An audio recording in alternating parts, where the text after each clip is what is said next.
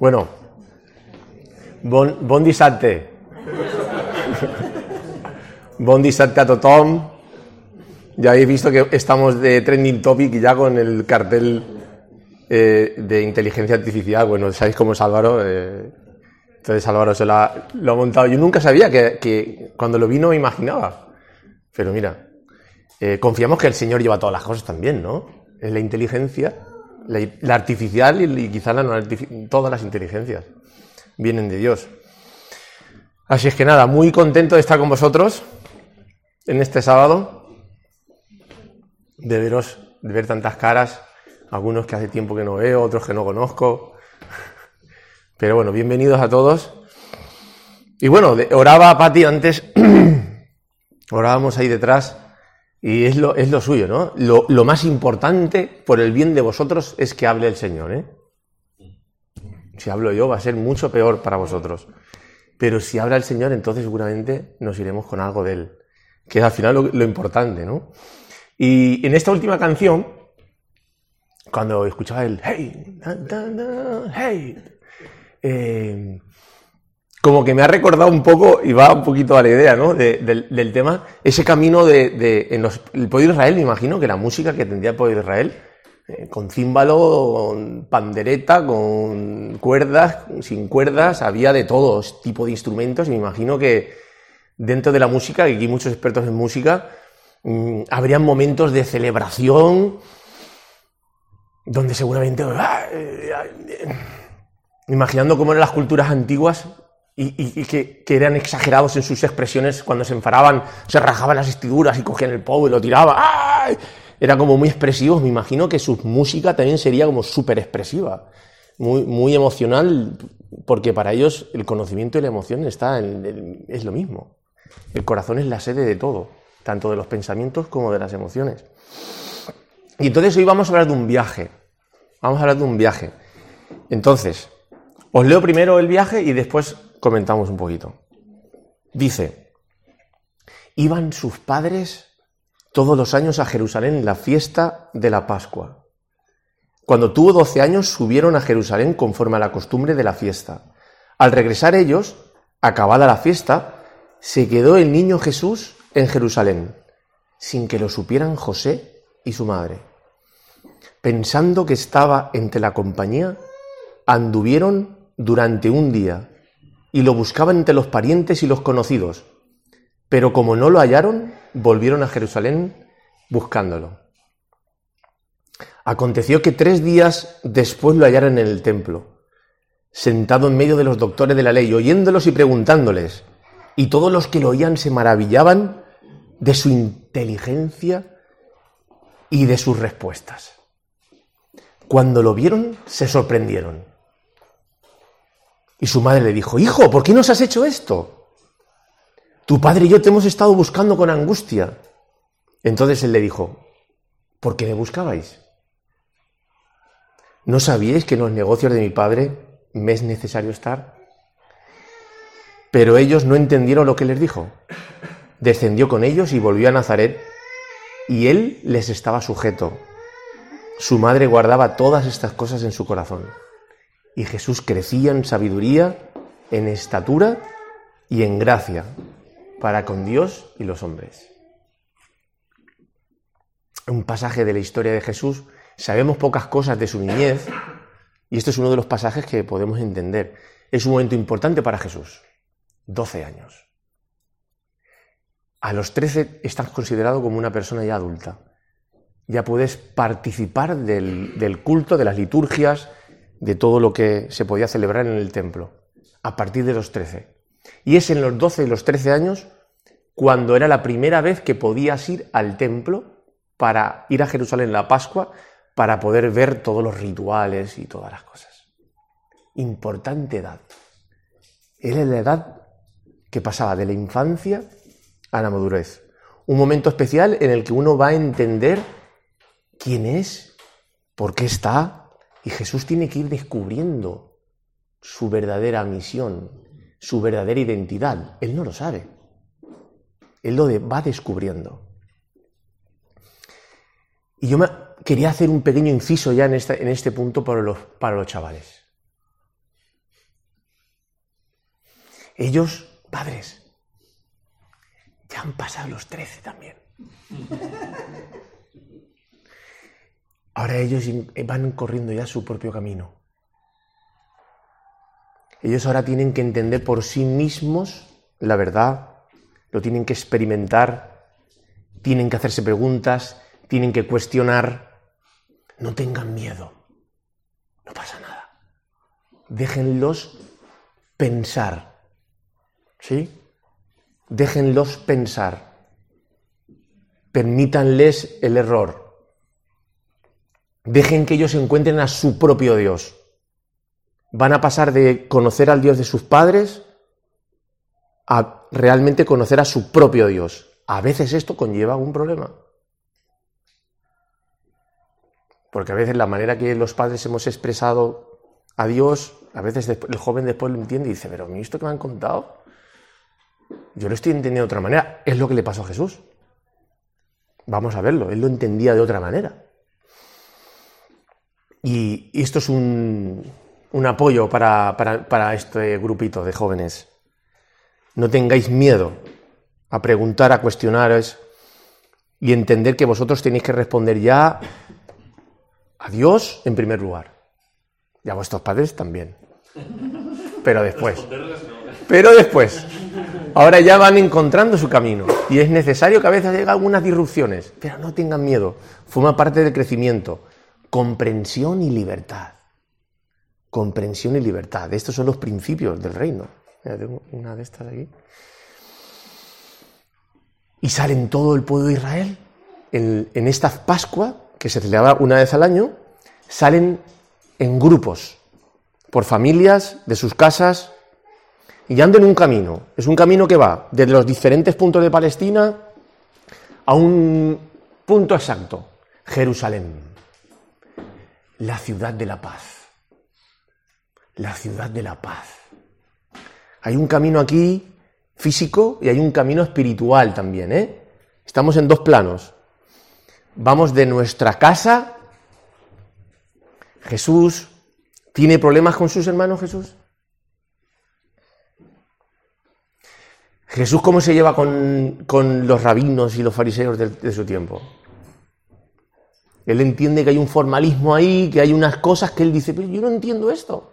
Yo la religión la veo de otra manera, pero veo aquí una frialdad o un formalismo que no encajo tanto. Y los fariseos de su tiempo, que ocupan un lugar de una posición elevada dentro de la religión, buscan esa sumisión en el, en el creyente, pero Jesús no se somete. Tampoco es rebelde, tampoco es rebelde, pero no se somete a los pensamientos de otros hombres. Él conoce al Padre por las escrituras, por la revelación de la naturaleza, va conociendo al Padre y va entendiendo que hay un choque entre lo que ve y entre lo que él está leyendo. Y entonces los padres están preocupados, le dicen, pero este, este hijo mío, pero si, es especial, ha nacido especial, María, imagino que preocupada, ¿cómo, cómo que no se... Mm, si, los, los, fariseos estos, los, los, grandes de allí, esta pues es, la, es, la, es la base de, nuestras creencias, son los que luchan por nosotros contra los romanos. Eh, ¿Cómo es posible que no, que, no, que no coaligue? ¿Qué está pasando? No? Pero Jesús tiene esas tensiones. Jesús es un joven que, golpea contra, contra, las tendencias juveniles también del tiempo. Es decir, vamos a tirar piedras a, los gatos, ¿eh? Yo me acuerdo, ¿eh? Yo, me sabía mal, ¿eh? Pero eh, yo a los gatos no... Para las farolas sí, ¿eh? A la farola se me escapa alguna. Díganos, Domingo. Alguna, alguna piedra le hemos lanzado a la farola. Y, pero a los gatos me salió mal, ¿sabes? Pero mis amigos, ¡ah, ah qué cosa, ¿no? Pues Jesús ya. Gol, él, no, no, perdona, yo no, es que es un animal, yo no, yo no, yo no, yo puedo ir como otros hasta aquí, pero yo no puedo tirar una piedra un animal. Yo amo los animales, como. Entonces Jesús iba un poco contracorriente y, y tenía esas tensiones tenía problemas en la casa también. Y cada uno de los de Nazaret, fíjate, Nazaret, un barrio complejo, era complicado, me imagino que violento. Jesús tenía sus cosas. Y los de allí también. Y tú. ¿Mm? Tú también. tienes tus cosas, tus problemas, tus tensiones, pero Jesús establece tres fiestas. Y la más importante es la de la Pascua. Él lo que quiere es que un día al año, que es una semana, la semana de oración que hacemos nosotros, es una semana al año tú puedas descargar, puedas sacar, sacar, sacar y llegar a una región espiritual. Jerusalén simboliza la paz, la tranquilidad, porque el que está en Cristo está en paz. Y yo quisiera, acabando el año, que pienses en ese camino que ellos, que ellos llevan. No es un camino triste, ¿eh? No es un camino triste, es un camino de liberación. Ellos están festejando que el pueblo de Dios fue liberado de la esclavitud en Egipto hacía tantos años, porque Dios con mano fuerte, dice la, escritura, con mano fuerte, ¡pum!, los sacó de Egipto. Y no solamente conmemoraban eso, conmemoraban también que en la Pascua, por la sangre pintada en los dinteles, sus primogénitos no fallecieron. Era una celebración, era un momento de sacar y al mismo tiempo de cantar.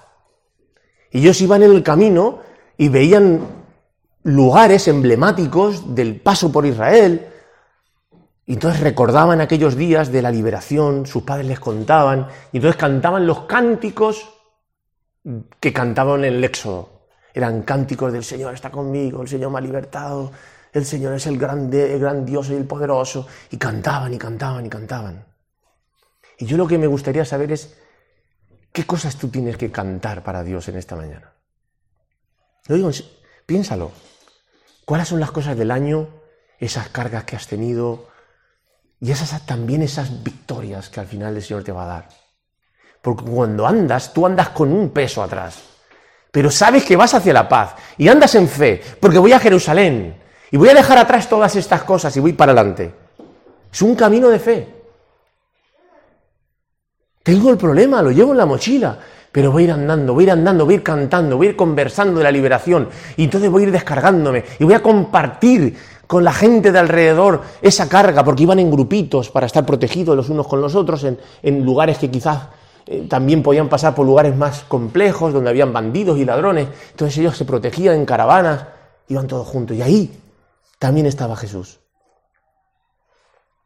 Yo quiero que pienses hoy en qué podemos agradecer. Yo quiero que lo tengas en la mente, ¿eh? que lo pienses. ¿Qué podemos agradecer? Porque tenemos que llegar a Jerusalén para cantarle al Señor.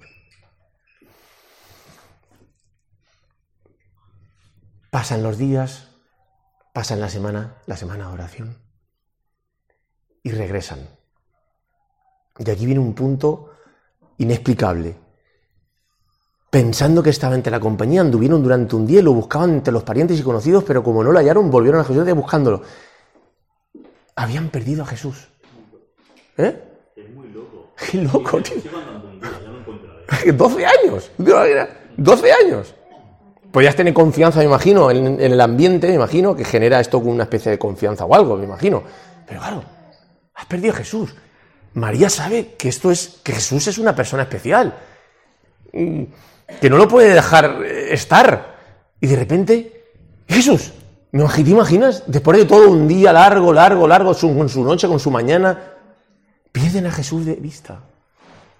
Y yo me pregunto a veces si realmente, ¿cuándo es que perdemos a Jesús de vista, verdad?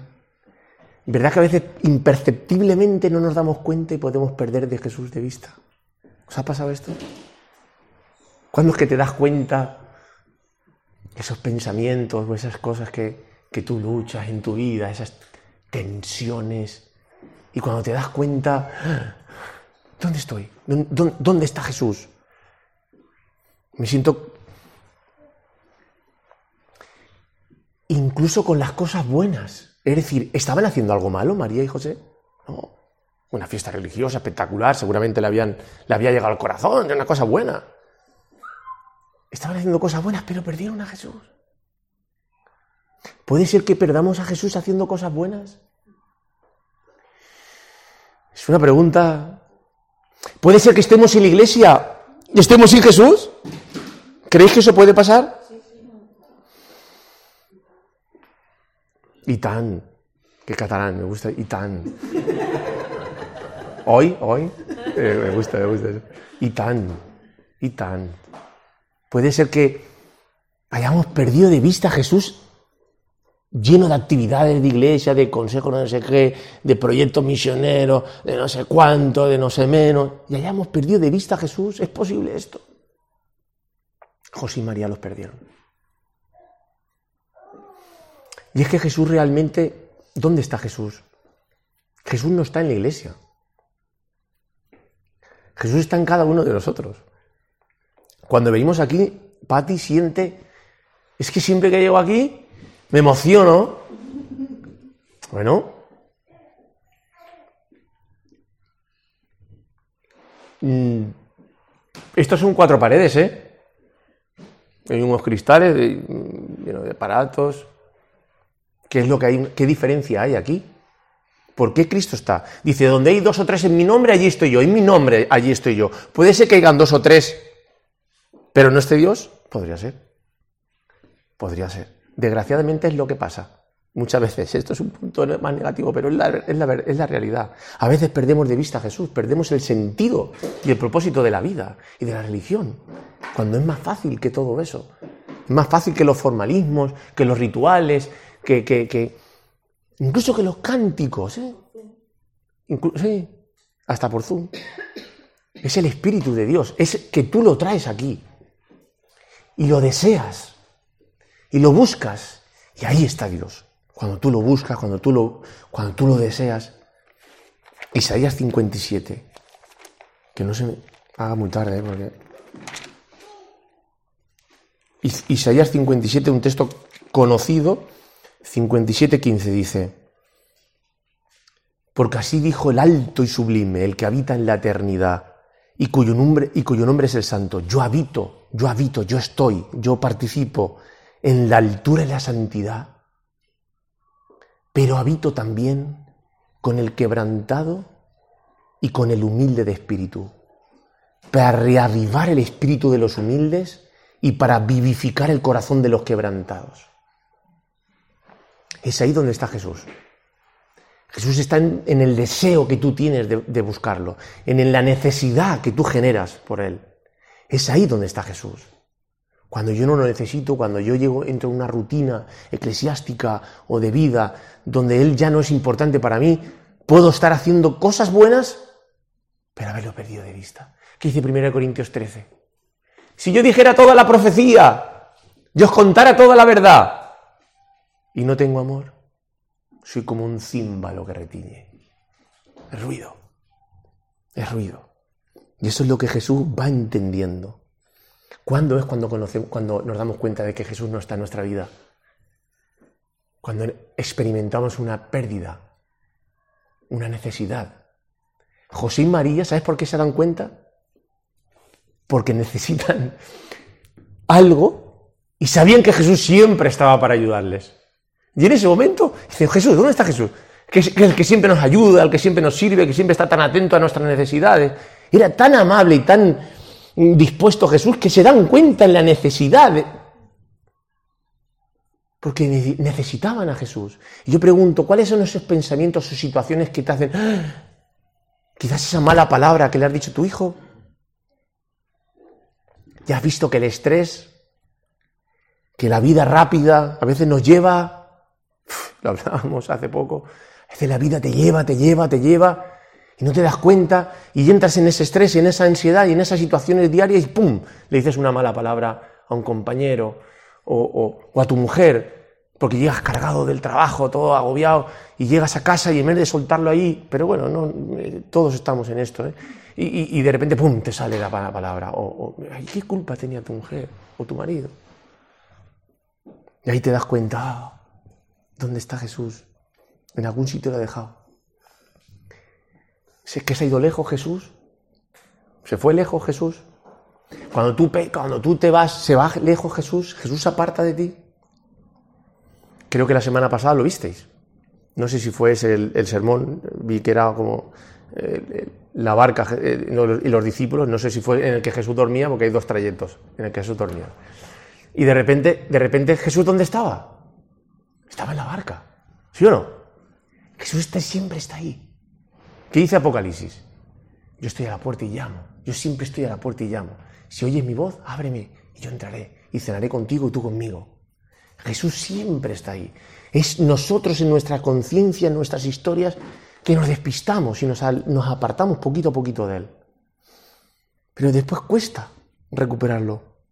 Les costó tres días volver hacia Jerusalén, hacia otra vez la región de la paz. Volvían a buscar su paz y entonces volvían a, buscar a Jesús. ¿Cómo podemos permanecer en la fe? Es difícil, ¿eh? Es difícil. Yo uno de mis propósitos para este año, yo mismo a veces digo, a veces no tengo ganas de orar, a veces por la mañana me levanto y ya, ya se me ha hecho... Digo, Señor, si yo quiero que seas lo primero, pero me cuesta, me cuesta. Esta es mi petición para este año que viene, en enero. Sí, yo creo que siempre hacemos lo mismo. ¿no? Buscamos y después es tan difícil mantener ese hábito. Mi petición es poder estar ahí, ser consciente de su presencia constantemente. ¿Cuál es el secreto de la fe para vivir estables? Ser consciente de su realidad, de su presencia y creer en Él. Llevarlo en tu barca. Surfear. Surfear con Él. Es que cada mañana, al empezar tu día, sea lo primero. Que lo primero en tu día sea eso. Te cambia la vida, ¿eh? Es una tontería, pero es que te cambia la vida, ¿eh? Que lo primero en tu día sea poner a Jesús en el timón de esa barca. Jesús, lleva tú el timón de mi día. Porque la religión es el día a día, no es venir el sábado. No solamente venir el sábado. Es que tú hoy te llenas para llevarte a Jesús contigo. Para mañana el domingo, y para el lunes, y para el martes. Esta es la religión. La religión es algo diario, es algo constante, es una relación, es un vínculo. Sé consciente, cree que Jesús está contigo y desde la mañana deja que Jesús lleve el timón de tu vida y surfea con él las olas. La vida cristiana no es una vida triste o apagada. Surfea. Vive con él tu historia. Simplemente, si en todo lo que hace Jesús surfea contigo, tira hacia adelante. Tira. De igual altura de la ola. Sube. Si Jesús puede estar contigo en esa, en esa tabla, ve con Él y sube a donde tengas que subir. No tengas miedo, la religión es, la religión es muy poderosa, puedes hacer tantas cosas con Jesús. ¿Dónde está la clave aquí? El pensamiento.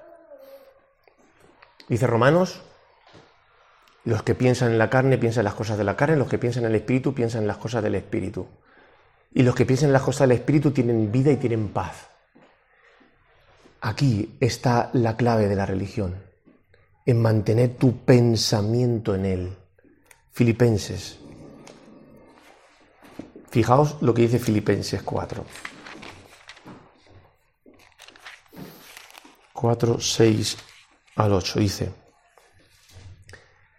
por nada estéis angustiados sino sean conocidas vuestras peticiones delante de Dios en toda oración y ruego, con acción de gracias. Y la paz de Dios, que sobrepasa todo entendimiento, guardará vuestros corazones y vuestros pensamientos en Cristo Jesús. Y después dice, por lo demás, hermanos, todo lo que es verdadero, todo lo que es puro, todo lo amable, todo lo que es de buen nombre, si hay virtud alguna, si hay algo digno de alabanza, en esto pensad. Lo que aprendisteis y recibisteis y oísteis y visteis en mí, esto haced.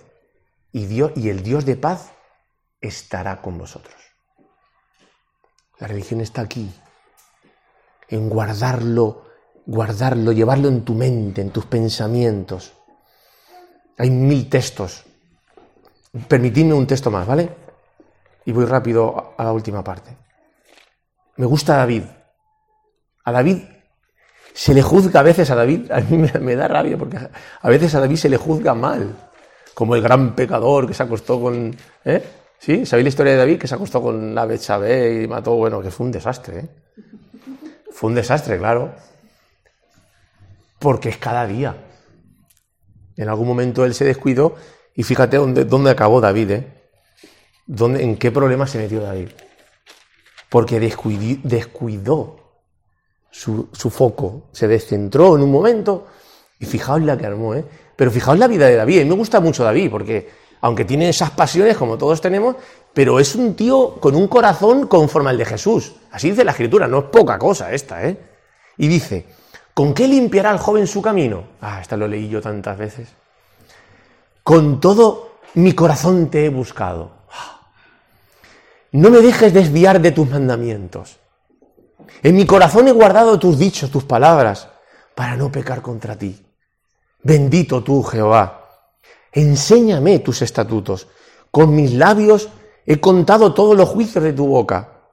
Me he gozado, ¿eh? la palabra me gusta, me he gozado en el camino de tus testimonios, más que de toda la riqueza.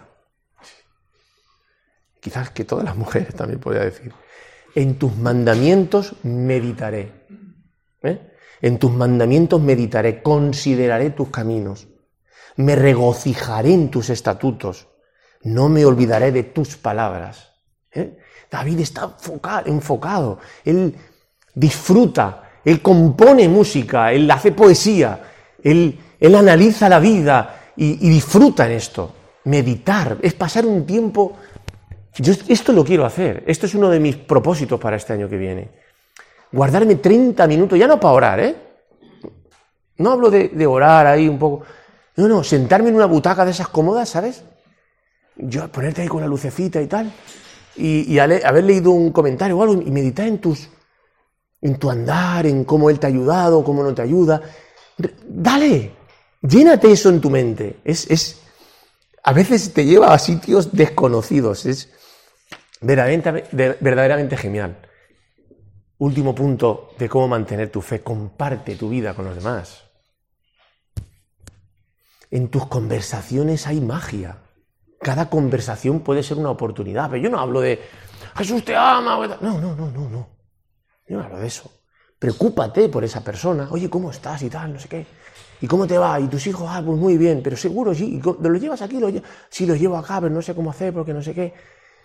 Comparte la vida, tu vida con, con, los demás. Es decir, en el momento que tú estás conversando y compartiendo tu vida, preocupándote de los demás, eso es vida. Eso es mantener al Espíritu y a Jesús dentro de ti. ¿eh?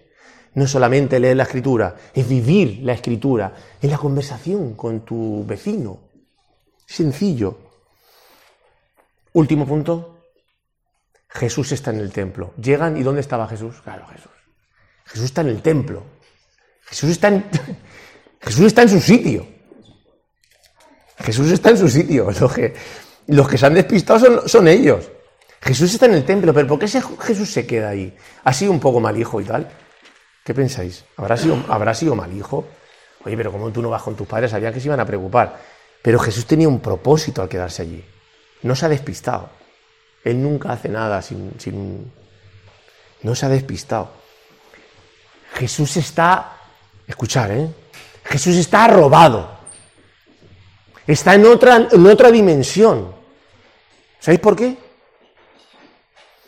Porque Jesús ha contemplado los rituales que se celebraban en la Pascua. Jesús ha visto el israelita culpable que con, es un poco fuerte, ¿eh? que con un cuchillo tiene que traer a su mejor cordero perfecto, sin mácula, corderito de un año, tierno, y lo tiene que degollar. Está fuerte. Eso es lo que, lo que ve Jesús.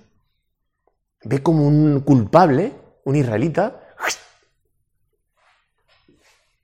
y entonces la sangre esa la recoge en un, cántaro. Está fuerte el tema, ¿eh? pero es lo que ve. ¿eh?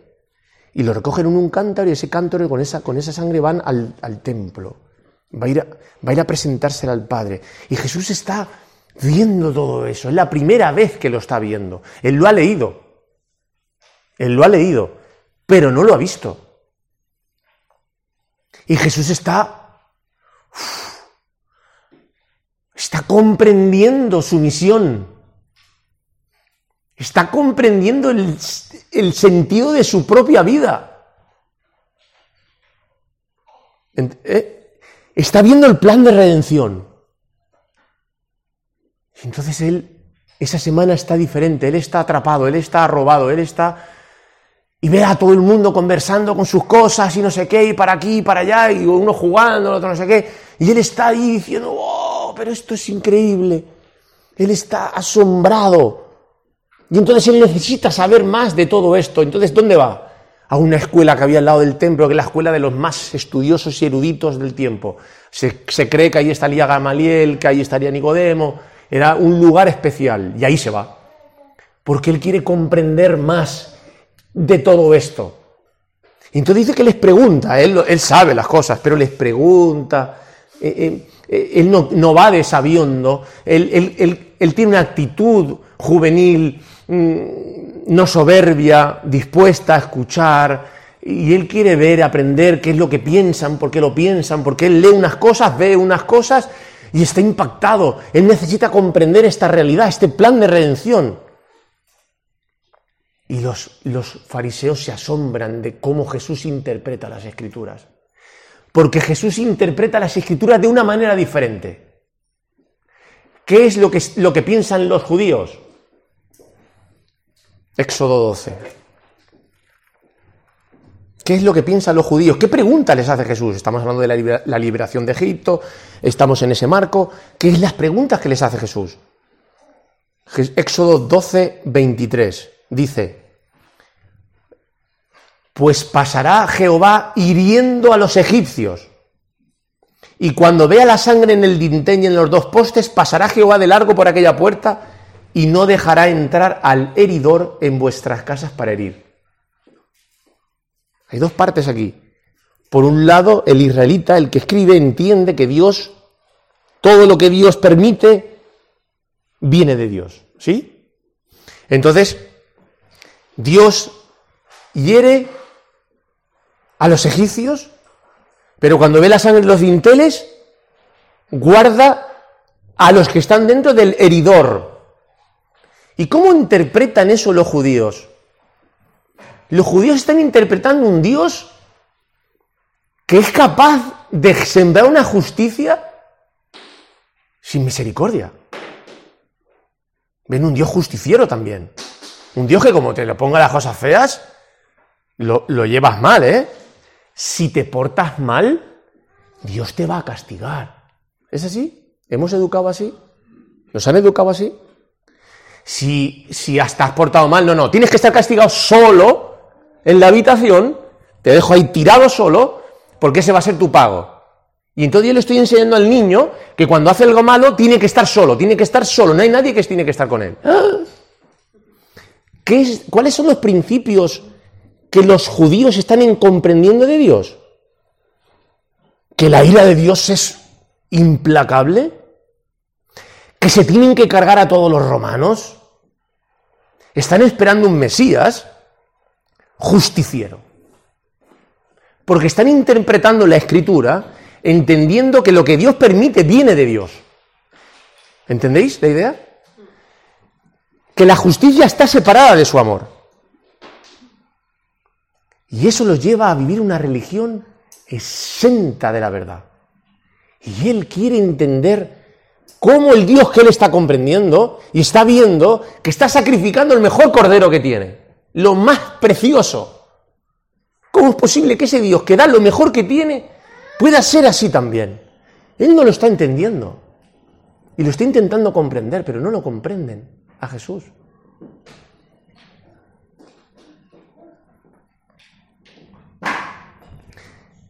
Pero la revelación es progresiva. Con Jesús vamos a comprender realmente qué es lo que Dios hace. Y entonces de repente, vamos acabando, ¿eh? se encuentra Jesús con los gadarenos, con unos gadarenos en el Nuevo Testamento, que estaban como el tipo poseído o algo así. Y de repente llega Jesús y lo libera. ¿Qué hace Jesús? Libera. Gente que estaba repudiada, apartada de la ciudad, encadenada. Jesús, ¿qué hace? Libera hasta aquellos que nosotros no nos podríamos ni haber acercado, ¿eh? Pero él sí. Él se acerca a todo tipo de personas, sean cuales sean tus cadenas. Ahí está Jesús para qué? Para liberarte. Pero claro, en el contexto había gente por allí en Gadara que creían que la presencia de Jesús iba a ser complicada para sus negocios con los cerdos. Y entonces empiezan a acusarlo. Oye, este hombre que se, va, que se marcha nos está, nos está espantando la situación y esto se está complicando. A ver si esto va a ser perjudicial para nosotros. Que se marche Jesús. Y entonces los demonios le dicen, Jesús, nos has sacado de aquí, pero ¿dónde iremos? Le piden permiso. ¿Dónde iremos? Y dice tú no puedes ir a ningún sitio si yo, tú no puedes hacer nada. Pero si los gadarenos me han pedido, ¿qué puede hacer Jesús? Si los gadarenos han expulsado a Jesús de su región, ¿qué puede hacer Jesús? ¿Es Jesús quien manda a los demonios a los cerdos? ¿O son los cerdos o los gadarenos los que reciben lo que ellos desean? Jesús no envía a los demonios, a los gadarenos. Ellos lo reclaman al rechazarlo. ¿Entendéis? El principio del Evangelio, la esencia de la religión, es que Dios es amor. Y todo lo que hace Dios siempre está vinculado, no puede ser de otra manera. Todas las obras de Dios siempre están vinculadas a que Dios es amor. Y la justicia de Dios y la misericordia de Dios y la bondad de Dios y la compasión de Dios son atributos de Dios, no, que emanan todos de un mismo principio, el principio de que Dios es amor. Dice en Jeremías 31.3, con amor eterno te he amado. Acordaos de esta frase para siempre. A mí me se, me los pelos de punta cuando la escuché. Viene de Ty Gibson, a mí me encantó. Dios no te puede amar más,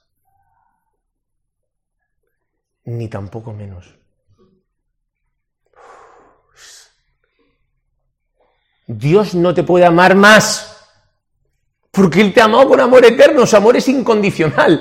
No hay niveles de gradación para el amor de Dios. Dios no te puede amar más. Ni tampoco menos. ¿Entendéis? Es una frase que hagas lo que hagas, pases lo que pases. Dios no te puede dejar de amar.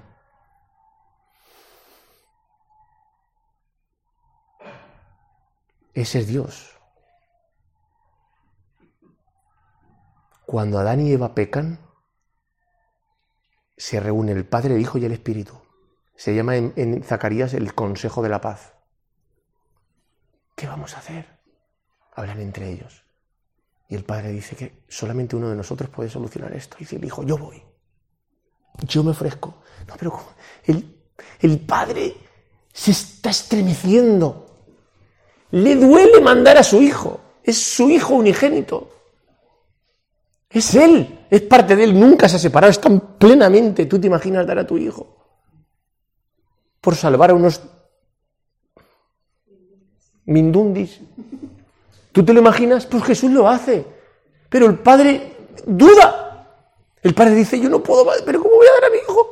Pero el, el hijo dice, pero es que no tenemos otra manera, no tenemos otra manera. Por amor a ellos tenemos que ir. Y entonces el hijo dice, yo iré. Y el padre dice, ve. Y los ángeles dicen, no vayas tú, iremos nosotros. Pero dice el hijo, no podéis ir vosotros, vosotros no podéis solucionar este problema. Solamente lo puedo arreglar yo. Y los ángeles, y les dice, vosotros cuidado, me van a maltratar, me van a rechazar, me van a herir, pero quietos. Forma parte del plan. ¿Te imaginas el amor de Dios? Pues ya que con el amor de Dios ya no hay más que hablar. Ya no tengo nada más que decir. Lo único que, que, yo considero es que cuando en la iglesia está ese amor, entonces se nota. Entonces sí que se siente. Y sobre todo porque lo conocemos a Él, ¿no? Es que no tengo más que decir, no tengo más que decir.